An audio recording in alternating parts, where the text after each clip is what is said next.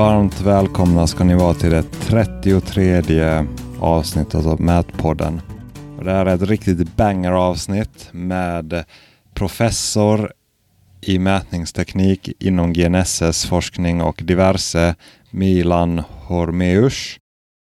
Och det här går in på hur GNSS fungerar, dels lite hur han kommer in och hans bakgrund som forskare inom mät, men eh, hur GNSS fungerar i rätt så fin detalj och jag fick en djupare förståelse för det. Men sen också mycket om mätosäkerhet, nästan från scratch. Det här basic mätosäkerhet. Vad betyder de här siffrorna som vi ser? Vad är det CQ-värdet som vi ser i vår handdator betyder? Vad betyder standardosäkerhet? Vad betyder 68% 95% och så vidare? Sigma. Här är en riktigt bra introduktion med praktiska siffror, räkneexempel. Så jag tror man har väldigt nytta av det här. Innan vi rullar på det så vill jag tipsa eller göra reklam för min egen hemsida, mina kurser. Landskaparen.se. Gå in, kolla om det är någonting för dig, om du jobbar som anläggare eller i anläggningsbranschen. Du kanske har ett maskinstyrningssystem, du har GNSS-utrustning kanske, men du vill lära dig mer om det och du vill kunna använda det på ett bättre sätt och göra modeller. Eller så kanske du funderar, behöver jag en företagsspecifik utbildning? Jag kan hjälpa dig med det.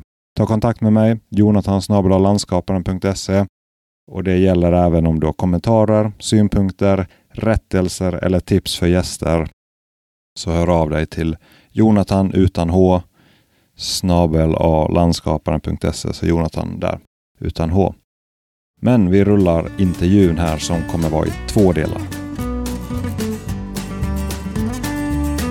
Jag är extremt glad att jag har Milan med mig här och vill du presentera dig själv lite? Vem du är och vad, vad din bakgrund är? Mm. Ja, jag heter eh, Milan Horemus. Jag kommer från eh, Slovakien och eh, har bott här i Sverige sedan 1996. Uh, eh, jag pluggade i Slovakien uh, geodesi och sen jag doktorerade också där. Och sen uh, kom jag till KTH som uh, forskarassistent. Och uh, ja, sedan dess har jag stannat här och nu är jag docent i geodesi, eh, sysslar med undervisning, eh, forskning, handledning av studenter och olika administrativa uppdrag här på KTH. Hur kom du in på mätning eller vad var det som gjorde att eh, du tyckte om det då? Vad är det som har gjort liksom, att du har fortsatt med det i så många år? Ja, motivering. Ja, det var mina intresse i naturen, i matematik, också i astronomi kan jag säga. Eh, på den tiden när jag pluggade, det var ingen eh, GPS än. Och eh, ville man bestämma latitud, longitud eller astronomisk azimut, då fick man mäta mot stjärnor eller mot solen. Och det tyckte jag det var, det var kul med sådana mätningar. Och dessutom, min pappa var också geodet och min bror är också geodet. Ja, Okej, okay, så det är familjen. så det är lite familj ärv. Och eh, dessutom, jag, jag, som sagt, jag gillar att vara ute, vandra. Men eh, till slut, eh, min karriär var inte så mycket utemätningar. jag hamnade på akademi redan strax efter, efter universitet. Jag började jobba som assistent och sen började jag eh, som eh, forskarstuderande, alltså doktorand. Men eh, inom, inom den tiden jag, jag var med i flera projekt, mätprojekt. Till exempel jag var med att kontrollera tektonisk stabilitet inför, innan dammbygge. Så jag gjorde en massa totalstationsmätningar, avvägning och sen när det kom eh, GPS, då, då använde vi också eh, GPS. På den tiden eh, det var också alltså nödvändigt att koppla nationella eh, referenssystem mot globala referenssystem. Och eh, Det var min doktorandavhandling som handlade om att göra den här transformationen mellan nationellt referenssystem och globalt referenssystem. Vad var det som gjorde att du fastnade vid det akademiska och att du ville fortsätta just i det spåret? Och var... Mm. Det var på den tiden kring 1980, slutet 80-talet, då kom också datorer, digitalisering och eh, det tyckte jag också att det var kul. Så jag eh, sysslade ganska mycket med programmering också. Så det var spännande möjligheter för att uh, göra också automatisering av beräkningar av geodetiska mätningar. Nu är det självklart att varje totalstation har inbyggda program. Men på den tiden man fick skriva ner alla uh, avläsningar och sen utföra beräkningar med miniräknare. Så det var också den faktor som bidrog att uh, jag valde att stanna på skolan och vara assistent. Där fick jag möjlighet att ägna mig åt sån utvecklingsarbete. Ja, det är ju en jättestor skillnad. Måste det vara att skriva sina egna program. Ja. ja. När man är inne på det ämnet, om man bara reflekterar kring det. Vad, vad tror du om den utvecklingen? Alltså som idag, om man jobbar i fält, alltså som jag jobbat i fält som mätare. Det finns inte en chans i världen jag skulle kunna skriva, beräkna mina saker för hand. Ja.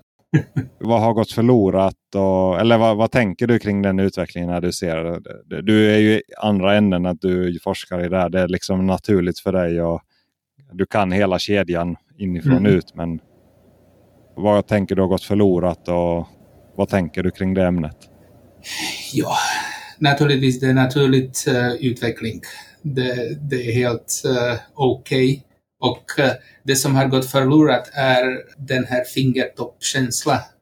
Alltså nu, det är många mätare som uh, bara trycker på knappar och de är duktiga på det, men man ser inte vad finns exakt bakom kulisserna, hur den beräkningen går till. Så ibland eh, konsekvensen kan vara att ibland man eh, blint tror på det som visas på displayen utan att tänka till om det är rimligt eh, eller inte. Fick man eh, göra alla steg i beräkningen, då, då hade man eh, djupare insikt i mätprocessen, i mätproceduren och eh, man kunde bedöma resultatet. Men naturligtvis, jag ser inte att uh, idag är det inte möjligt. Man måste tänka till lite extra. Nej, jag bara tänker uh, att det måste väl bli, bli som, jag tänker som en läkarvård kanske, att du har undersköterskor och sjuksköterskor och läkare. Alltså man har olika roller i Exakt. en uppgift att uh, en skriver ut medicin och en gör, ja, det är, alltså på något sätt känns det som mätbranschen också en mätare kan inte kunna allt. Man kan inte ha dig ute i fält och mäta med en GPS-stav. ja, men det är så. Jag, jag, ser, jag ser inte att det, det, är fel. Alltså det är naturligt utveckling och uh, alla behöver inte veta allt. Nej. Men ändå en förståelse och det är väl det utbildning är. Ja. Vi kommer väl in på vissa saker. Men jag, jag tänkte om man går tillbaka till akademin där. Du nämnde lite om vad du har forskat. Vad gör man som GNSS-forskare som du? Eller det är väl ditt område mycket och sen har du hållit på med annat också. Vad finns det för frågor som man kanske, alltså fem, sista fem, tio åren som du har hållit på med? Det finns uh, olika typer av forskare. Jag skulle själv identifiera mig som tillämpad forskare. Jag har alltid varit intresserad att eh, utveckla någon metod eller beräkningsmetod eller mätmetod som kan effektivisera mätningar. Så jag jobbade ganska nära tillämpningar. Naturligtvis sen finns det forskare som uh, sysslar med mer teoretiska, grundteoretiska grejer. Typ utveckla matematiska uh, modeller, utveckla nya, ny kunskap inom fysik, ny kunskap inom matematik. jag brukar använda den här kunskapen för att göra någonting. Så jag identifierar mig inte som grundläggande eller som basforskare utan tillämpat uh, eh, forskare. Så till exempel när jag kom till uh, Sverige, en av de första projekt som jag hamnade på var eh, kombinering av uh, tröghetsnavigering och kamera. Och eh, det var ett projekt där man ville använda kamera för att navigera robotarm. Så på den tiden det var ganska nytänkt tillämpning och jag använde min kunskap inom geodetiska beräkningar för att tillämpa det just för den här tillämpningen. Och vi utvecklade tillsammans med ett företag eh, programvara som, alltså först eh, utvecklade vi modell, hur ska vi göra den här beräkningen och sen utvecklade vi programvara. Ett annat projekt var till exempel att kombinera GPS-mätningar med tröghetsnavigering. Och det var också praktiskt motiverat. På den tiden det var Mobile Mapping Systems eh, som var ganska ny grej. Och för alla mobila tillämpningar, idag drönare och så vidare, så man eh, behöver ha tröghetsnavigering kombinerat med positioneringssystem, eh, GPS. Så att man kan beräkna position och orientering av kamera eller laserskanner för varje sekund, för varje moment när man tar bilder eller när man skannar. På senaste tiden eh, jag var involverad i flera projekt tillsammans med Trafikverket där vi tittade på generellt sagt eh, geodetisk infrastruktur för Trafikverkets eh, projekt. Så till exempel idag man använder rutinmässigt naturligtvis eh, RTK GNSS. Och vi vet idag att eh, ju flera GNSS-referensstationer desto bättre för användare. Men hur ska man tänka när man, eh, när man ska placera nya GNSS-stationer? Ska man placera dem så att de formar trianglar eller räcker det att placera dem längs vägar eller järnvägar som man bygger? Så vi, vi tittade på sådana frågor inom eh, de här projekten. Hur påverkar ionosfären användare? Finns det några nya metoder som eh, vi, eller som eh, i praktiken man kan använda? Idag vi använder nätverks-RTK, men det finns uh, ganska mycket forskning idag kring Precise Point Positioning, PPP. Mm -hmm. Berätta lite kort. Jag har bara läst om PPP och det i princip, om jag fattar det, så är det som RTK fast utan Svepos. Att du behöver inte en eh, mobil datalänk eller? Det är ganska bra förklaring som du var inne på. Alltså, PPP är en metod som använder satelliter som referenspunkter, inte fysiska stationer på marken. Det är den stora eh, skillnaden mellan RTK och PPP. För eh, att RTK ska fungera, vi måste ha data som kommer från referensstationen. De kan komma direkt till oss som användare eller via Lantmäteriet eller via annan tjänst som annat företag som tillhandahåller sån tjänst. Men för att PPP ska fungera på centimeternivå, man måste ha som användare tillgång till massa parametrar och modeller. Och det är framförallt eh, precisa satellitpositioner, precisa satellitklockor, precisa modeller för ionosfär, troposfär. Och för att kunna få de här parametrarna, man behöver referensstationer. Och för att kunna få den här informationen till användaren, man behöver igen också datalänk. Så skillnaden mellan RTK och PPP är att eh, PPP-tjänster vanligtvis eh, täcker större geografiska områden och man kan få korrektioner via satelliter eller via internet och eh, igen, PPP fungerar bättre om man är nära referensstationen. Så det finns ganska många likheter mot, med RTK. Den stora skillnaden är att eh, man använder satelliternas koordinater för att beräkna sina e-, egna koordinater. Och en konsekvens är också att man får koordinater inte i CRF 99 om man jobbar här i Sverige, utan man får koordinater i ITRF-system. Och de koordinater måste sedan transformeras till CRF 90. Okay. Om man jobbar mot eh, Sverpos, då använder man data direkt från Sverpos-stationer som har koordinater i SVRF 99. Och då får man direkt beräknade koordinater i SVRF 99 som användare. Vad är den potentiella fördelen eller vad ser man att man skulle kunna använda det här till? Eh, är det att det täcker ett större geografiskt område då i princip utan att bygga upp så många Svepos-stationer? Precis. I teori man kan täcka med PPP-tjänst i hela jordklotet. Ja, ja. Det skulle inte fungera med nätverks-RTK Nej. Svepos till exempel. Och då kan man få havet och fjällen och så här mer, betydligt otillgängligare områden. Precis, precis. Så det är den största fördelen att uh, med en tjänst man kan gå utanför de nationella gränserna. Ja, det är sant att nu när man byter mellan länder och jobbar i gränsområden så blir det också sina...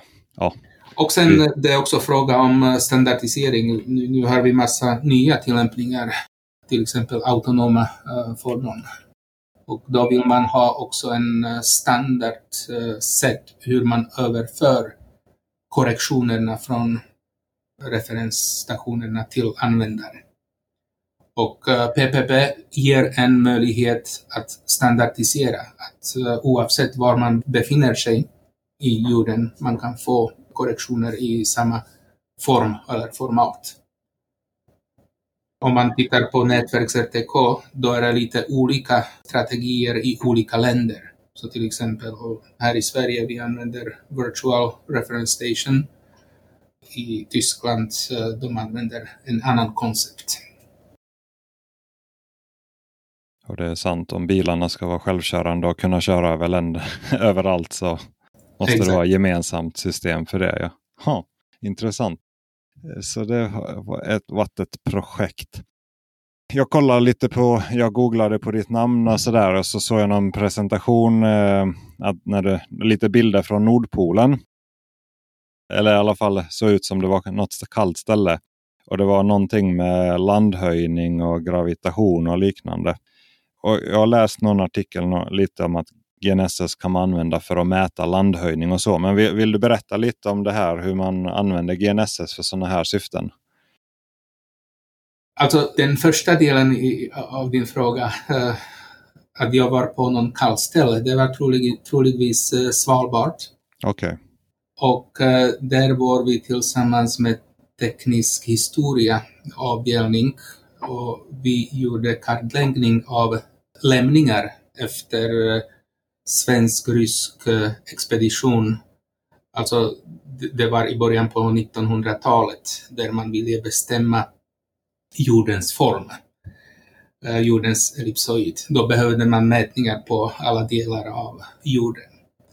Så vi var där och gjorde kartläggning faktiskt. Okej, okay, så det var för det syftet. Ja, ja, ja. ja. Och den eh, andra frågan var hur man använder eh, GNSS för höjdbestämning. Ja, både höjd eller kon, liksom land, kanske landhöjning eller drift av kontinenter. Alltså på större skala. Liksom. Alltså, om man, jag bara tänker så här, GNSS tänker som slutanvändare på en byggarbetsplats är det ju man säger 10 mm i plan och kanske ja, 10-20 mm sådär hur får man till ännu noggrannare och hur, hur följer man upp större rörelse på större tid? Eller ja, lite, lite bara för att illustrera vad, hur det där funkar. Ja, okej. Okay. Så kontinental drift och uh, landhöjning. Alltså alla kontinenter rör sig. De hade rört sig tidigare och de eh, rör sig även idag och de kommer att röra sig i framtiden och hastigheten är några centimeter eh, per år. När vi använder eh, våra referenssystem så vi definierar koordinataxlar som är fastlimmade till jorden. Men om alla kontinenter rör sig, då måste vi hitta någon fast punkt som inte rör sig. Och det gör man via beräkningar globalt. Okay, så man kontinuerligt uh, övervakar de här rörelserna med olika tekniker, bland annat eh, uh, GNSS, som möjliggör att beräkna avstånd mellan kontinenter. Och genom att man upprepar avståndsmätning, då kan man bestämma hur kontinenter rör sig mot varandra. Men för oss som eh, lantmätare, där vi använder olika mättekniker, vi alltid refererar våra mätningar till fysiskt markerade punkter. Antingen det kan vara riks 95-punkter eller höjdfixar eller svepos-stationer. Och alla dessa punkter rör sig tillsammans med vår kontinent. Så i praktiken när vi använder SVRF 99 referenssystem, det här systemet är samma som europeisk eh, referenssystem, ETRS 89. Och det här 89 betecknar epok. Det var 1989. Så det motsvarar position av europeisk eh, kontinent i 1989. Och varför Sverev 99? Det här 1999, det är också årtal, och eh, det var den epoken som man använde för beräkningar. Så på den tiden eh, vi hade eh, uh, svepostationer och man använde mätningar, flera veckor mätningar. Och de här mätningarna var beräknade för den här epoken 1999, ja, det var, det var 0,5. Och sen de här koordinaterna som man beräknade för den epoken transformerades tillbaka till 1989. Så vi faktiskt, alla koordinater som vi använder idag, det är koordinater som gällde för 1989, för den epoken. På sånt sätt, vi som användare, vi behöver inte bry oss om kontinental drift eller landhöjning. Kommer det komma till en punkt där man behöver en ny epok då? Eller hur, hur sköts det? För jag, jag försökte läsa, eller jag läste lite om Australien i någon tidning. Alltså att de har flera epoker för den kontinenten rör sig väldigt mycket mer, alltså många centimeter per år. Tror det var typ sju centimeter per år. För de kom med någon ny epok inte så många år sedan. Och eller löser det sig själv det här att man kan man köra med Sveref 99 och sen flytta sig allting? ja, Australien har ett annat problem att det är stort kontinent och där har man inte rörelser som är ungefär likadana överallt. Okay. Så därför de har lite extra problem. Men uh, här i Sverige, vi har cirka samma horisontal rörelse över hela, hela Sverige. Vad jag vet, det finns inga planer, Lantmäteriet har inga planer att ändra den här epoken. Och man kan köra ganska lång tid innan, innan landet deformeras på något signifikant sätt. Men så länge den inbördes relation mellan punkter ändras inte, då spelar det faktiskt ingen roll vilken epok vi använder.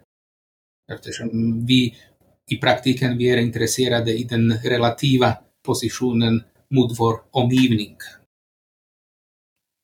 Vi, vi behöver inte bry sig så mycket om position relativt till Australiens eh, kontinent eller Afrikansk kontinent.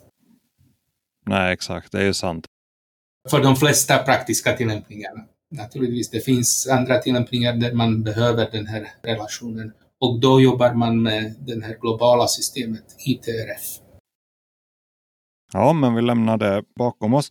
Ska vi komma in på GNSS lite mer och så lite mer tillämpat också så här så att vi Jag tänker målet om man skulle kunna få in lite teori fast på ett praktiskt sätt i sin vardag när man jobbar med det. Jag tänker att man kanske man mäter med sin stav och man har det, man fattar ungefär hur det funkar och man i grova drag men ändå en, man ser en kvalitetssiffra och så är den bra så är det bra. Men om vi skulle kunna liksom prata kring eh, lite mätosäkerhet och lite om begrepp och vad de här siffrorna betyder. Mm. Och om man då kanske börjar med den klassiska frågan, hur noggrant är det? Alltså om jag kör nätverks-RTK med min stav, vad kan jag förvänta mig för noggrannhet? Vi kan börja lite med, med förklaring hur GNSS fungerar och hur vi får koordinaterna på displayen. Alltså, vi har satelliter som kretsar jorden och de skickar signaler ner till användare. De här signalerna de är väldigt svaga. Så därför man måste ha direkt sikt mot satelliter. Vanligtvis eh, det funkar dåligt eller inte alls om man är under träden eller inne i byggnader på grund av eh, det faktum att eh, signalerna är svaga. Vill man uppnå centimeter eller millimeter precision, då måste man rekonstruera, alltså mottagaren måste rekonstruera den elektromagnetiska signalens våg. Alltså man kan föreställa sig elektromagnetisk eh, strålning som eh, sinusvåg. Och eh, den här vågen har välbestämd våglängd. Det är runt 20 centimeter. Det beror på vilken, vilken frekvens, det finns olika frekvenser. Men vi vet exakt hur lång är vågen. Och mottagare mäter så kallade fasmätning och eh, den kan bestämma sin position inom en våglängd med millimeterprecision. Och det är den här fasmätningen som ligger till grund alla precisa tillämpningar där vi syftar på centimeter till millimeter noggrannhet. Så internt i GNSS-mottagare, den kan mäta fasmätning med cirka 2 mm precision.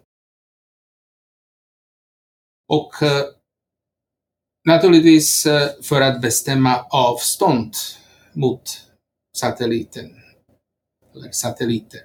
Man behöver ha den här eh, fasmätningen. Plus man måste veta hur många hela våglängder finns det mellan eh, mottagare och satelliten. Så man bestämmer position bara inom en våglängd, men sen på något sätt mottagaren måste bestämma hur många hela våglängder finns det. Det här antalet av hela vågländer det, det kallas för period obekant, eller period obekanta. Och det är det som man måste, därför man måste initialisera RTK-mätningar för att få fix lösning Och fix lösning betyder att mottagaren har hittat hur många hela våglängder finns det mellan satelliten och uh, mottagaren. Så ja, vi kan säga om vi mäter avstånd med 2 mm precision, så vi kan förvänta oss också vår, vår position kan vara på, på den nivån. Alltså osäkerheten ligger kring 2 mm. Och det är inte exakt så eftersom vi har massor med felkällor som påverkar mätningar mot eh, satelliter. Vi vet inte exakt var satelliterna befinner sig när de skickar signalen. Man har osäkerhet i satelliternas position. Sen man har osäkerhet hur mycket bromsas signalen när den passerar atmosfären. Sen signalen kan studsa, så mottagare kan ta emot direkt signal och eh, uh, reflekterad signal. Så det finns många sådana faktorer som påverkar hela osäkerheten. Hur bra kan vi bestämma avståndet mellan satelliten och mottagare? Så i praktiken man måste mäta längre tid för att kunna skatta alla de här felkällorna för att komma ner på centimeter till millimeter nivå. Så vilken eh, medosäkerhet kan vi förvänta oss eh, från eh, de flesta jobbar med nätverks-RTK, alltså tjänst från Lantmäteriet.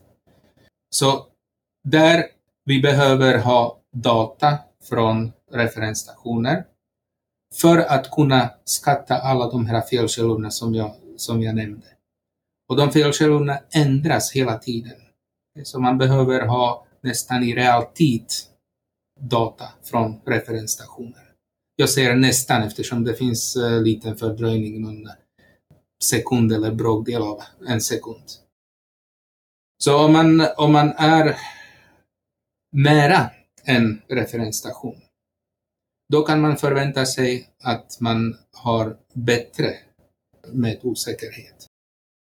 Så Lantmäteriet har publicerat konkreta siffror, vilken lägesosäkerhet man kan förvänta sig med deras tjänst.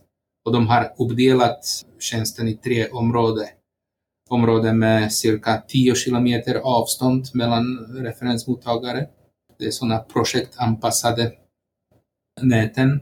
Sen områden med cirka 35 kilometer avstånd. Det är vanligt i städer eller bebyggt eh, område. Och områden med cirka 70 kilometer avstånd mellan referensstationer.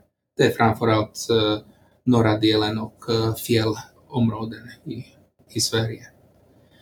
Så horisontal osäkerhet, den eh, kan vara från 10 till 15 millimeter i de täta områden, cirka 10 kilometer avstånd, till 25 till 40 millimeter i de områden där vi har 70 kilometer mellan referensstationerna.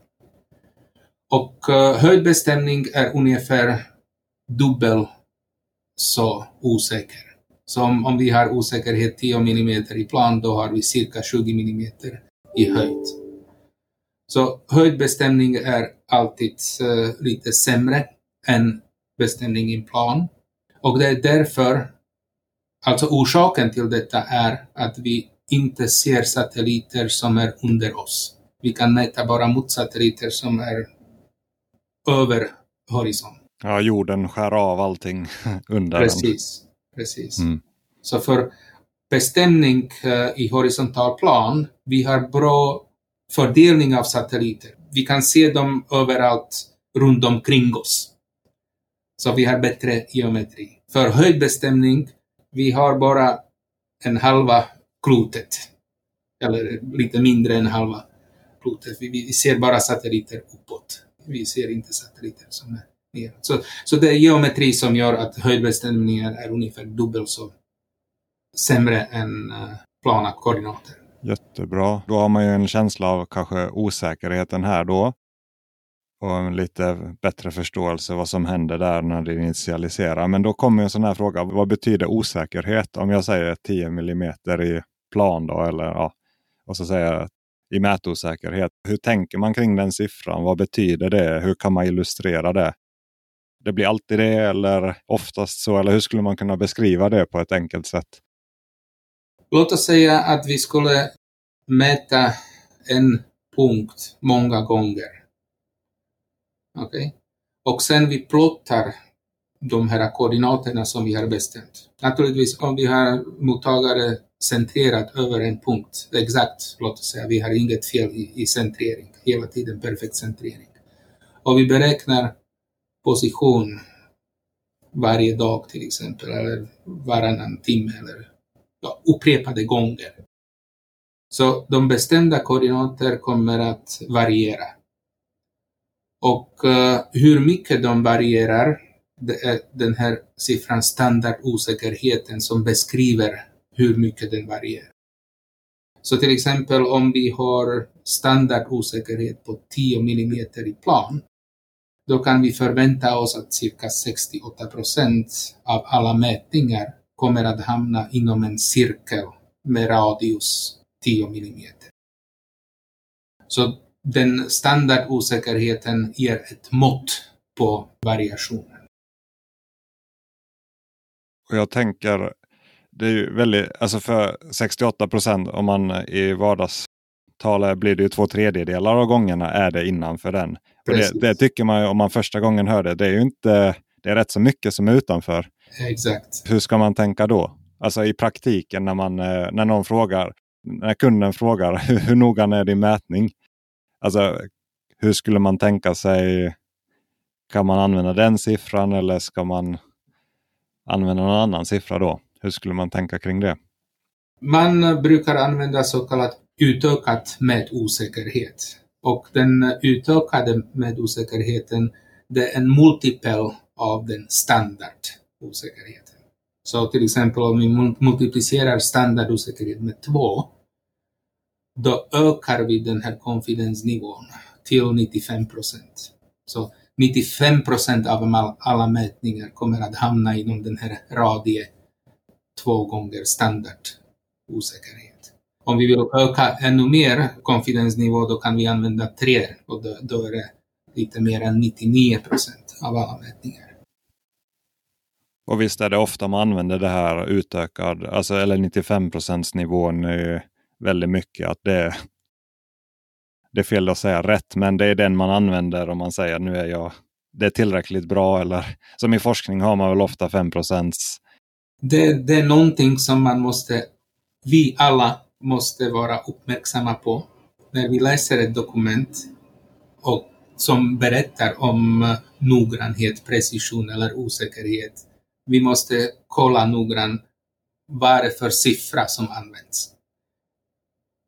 I de eh, nya HMK-böckerna man brukar använda ganska konsekvent 95 procent konfidensnivå, så två gånger eh, Okej. Okay.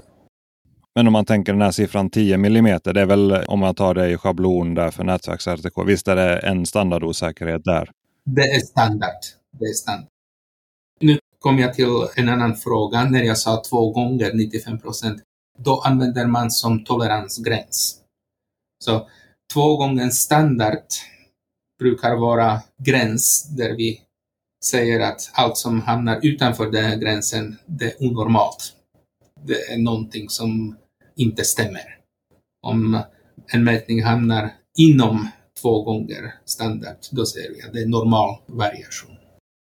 Jag tror det är bra punkt att det är plus minus två gånger. Så här vill säga om du har 10 millimeter som schablonosäkerhet i stan eller projektanpassat och sen har du 95 nivå, det är 20 millimeter plus minus.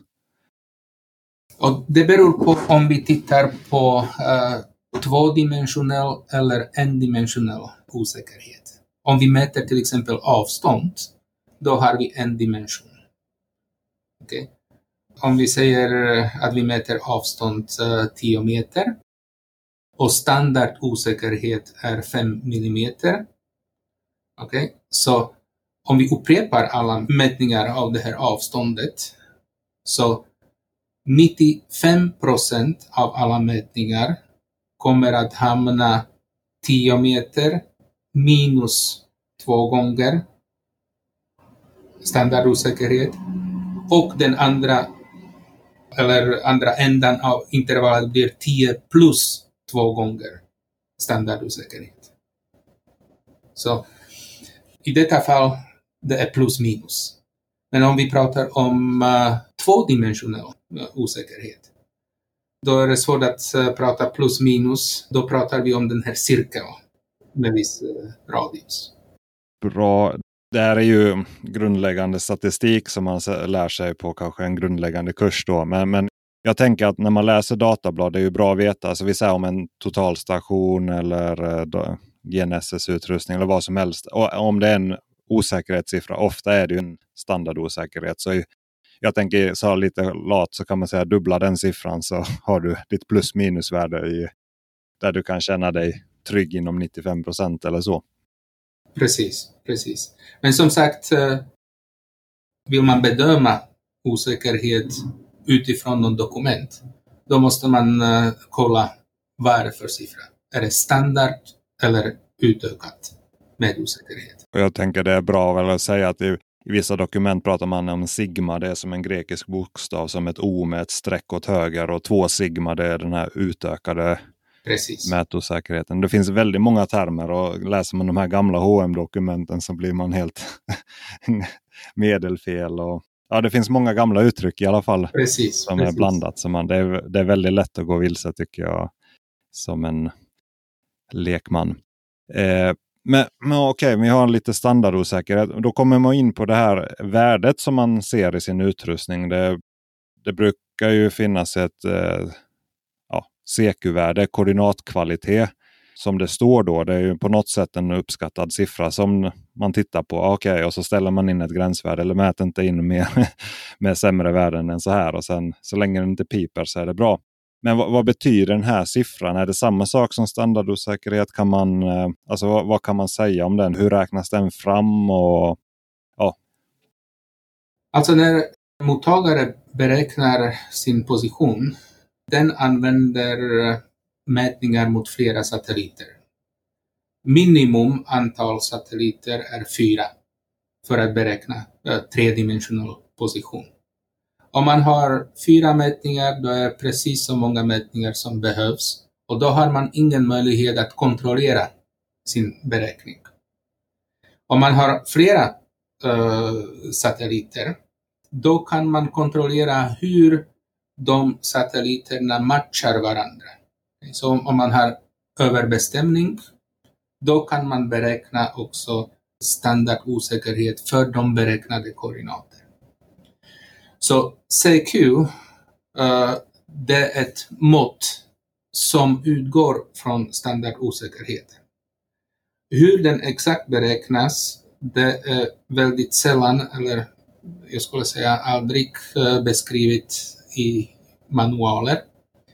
Men eh, den, den brukar motsvara standardosäkerheten. Standardosäkerhet, alla de här procentsatserna som vi nämnde, 68 procent, 95, 99, uh, det kommer från uh, normal fördelning som är teoretisk fördelning av mätfel. I praktiken nästan ingen mätning följer exakt den här för fördelningen eftersom vi har många andra faktorer som inte beter sig normalt, så att säga. Så min erfarenhet är att uh, om vi tittar på de här CQ-värden i mottagare som tillverkades 20-30 år tillbaka, då var de väldigt uh, optimistiska. Alltså man kunde se typ CQ 2 millimeter, men om man upprepade mätningen då var det 3 centimeter differens. Eh, de var för optimistiska eftersom eh, man antog att alla felkällor beter sig normalt, att de följer normal fördelning. Men det gör de inte. Idag eh, har man bättre modeller. Till exempel, man kan modellera troposfären, ionosfären mer pålitligt. Jag menar statistiska modeller. Om man tillämpar sådana statistiska modeller, då får man också mer realistisk eh, CQ, alltså coordinate quality. Så ja, om du frågar mig om man ska titta eller betrakta CQ som standardosäkerhet, eh, mitt svar är ja, man kan, man kan göra det. Så det är ju bra. Vad blir begränsningen av CQ-värde? Eller egentligen innan, innan vi tar på det. Om man går tillbaks till det här flerkällor eller det är väl kopplat kanske till det här vad begränsningen av CQ-värde är. Jag tänker flervägsfel och tidspåverkan på satellitsystem. Vad tänker du kring det? Att, um... Som sagt, eh, CQ kan vara väldigt pålitligt mått om alla felkällor hade betett sig normalt. Men det är framförallt uh, multipath, eh, uh, flervägsfel, som uh, inte beter sig på, på sånt sätt. Den är, den är ganska svår att modellera eftersom vi kan inte förutse vilken miljö vi kommer att befinna oss när vi mäter. Och, och multipath, bara som du förklarade innan, visst är det, det är när satellitsignalen studsar på en vägg eller på en trädkrona eller går igenom trädkrona, att den egentligen om man tänker sig en måttband från himlen till din mottagare och studsar den så blir måttbandet längre. Men du har ingen aning om att måttet har blivit längre. Så det är, Exakt. det är det som flervägsfel är. Flervägsfel innebär att man, eh, mottagare tar emot både direkt signal och samtidigt reflekterad signal. Okej, De två signaler liksom eh, alltså påverkar varandra. Så det blir inte exakt så som du sa att det är bara längre måttband. Då skulle vi ta emot bara, bara studsade eh, signalen. Vanligtvis i praktiken är det så att eh, det är blandning av Okej. direkt och studsade eh, Ja. signal. Så sån flervägsfel är svårt att modellera. Det finns inga pålitliga statistiska modeller.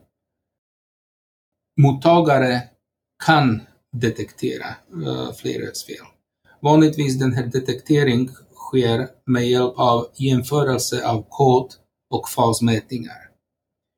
Kodmätningar de är mycket mer brusigare än fasmätningar och också påverkan av eh, multipath är mycket större på kod jämfört med fasmätningar. Så om man jämför dessa två mätningar, då kan man detektera och eh, också beräkna hur stor är multipath på kodmätningar.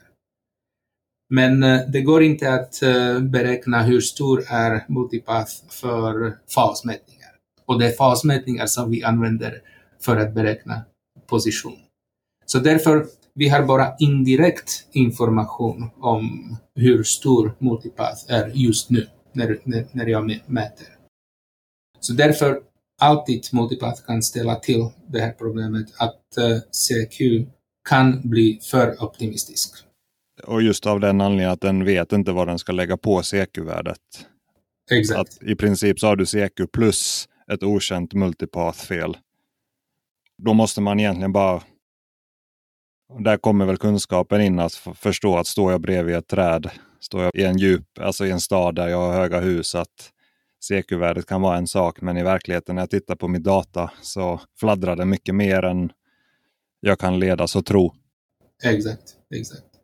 Så de algoritmer som används eh, idag i, i mottagare, de eh, bestämmer multipath, som sagt med hjälp av fasmätningar på kodmätningar. Och om det finns stor multipath på kod, då antar man att man har större multipath också på fas. Mm.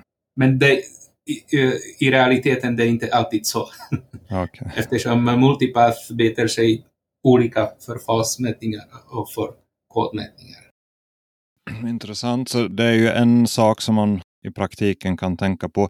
En annan sak är ju, alltså så när man mäter i praktiken så märker man att det finns en, en liten lagg på uppdateringen av CQ-värdet. Att det finns ju den här klassiska saken när du får inte fix under träd så går du ut och så springer du in i skogen där du inte fick fix och så mäter du och hoppas att du inte tappar den. Om man tar det lite humoristiskt. Det finns nog mer än en där ute som har gjort så. Man lurar ju sig själv där, men på vilket sätt lurar man sig? Och vad är det som händer med det värdet? Att det, ibland tar det kanske flera sekunder eller tio sekunder innan den blir sämre. Åh, tio sekunder, det, det låter ganska lång tid. det finns alltid för, en liten fördröjning. Eh, alltså den siffran som visas på displayen, den beräknades viss antal, jag skulle säga bråkdel av sekunder eller någon sekund eh, tidigare. Alltså, man använder, mottagare använder korrektioner som beräknades i Gävle, i tjänstetillhandahållare. Eh, okay? Så det tog tid tills de eh, korrektionerna beräknades. Sen det tog lite tid tills uh, korrektionen kom till användare. Och sen det tar lite tid att uh, utföra beräkning i mottagare. Så det finns alltid viss fördröjning mellan position som är just nu, som gäller just nu, och den positionen som visas på displayen. Min erfarenhet är att uh, det värdet som visas på displayen, den ändras inom någon sekund eller några sekunder. Jag har aldrig sett tio sekunder. Nej, tio sekunder är lite långsamt. Det var kanske. Men några sekunder sådär att man... Några sekunder det kan vara. Men det är i alla fall att vara observant så du kan inte bara för att du har det bra och sen går in under ett skärmtak och du har fortfarande en bra siffra på din skärm betyder ju inte att din signal blir rätt. Nej, det hjälper inte att springa med. Nej, exakt. Det var min poäng här. Det hjälper inte att springa. det var också sådana historier där, där, om man går till exempel med mottagare under en bro, naturligtvis man tappar signalen. Så vissa trodde att man, om man springer, då tappar man inte signalen. Om man Nej. springer under bron. Det hjälper inte heller.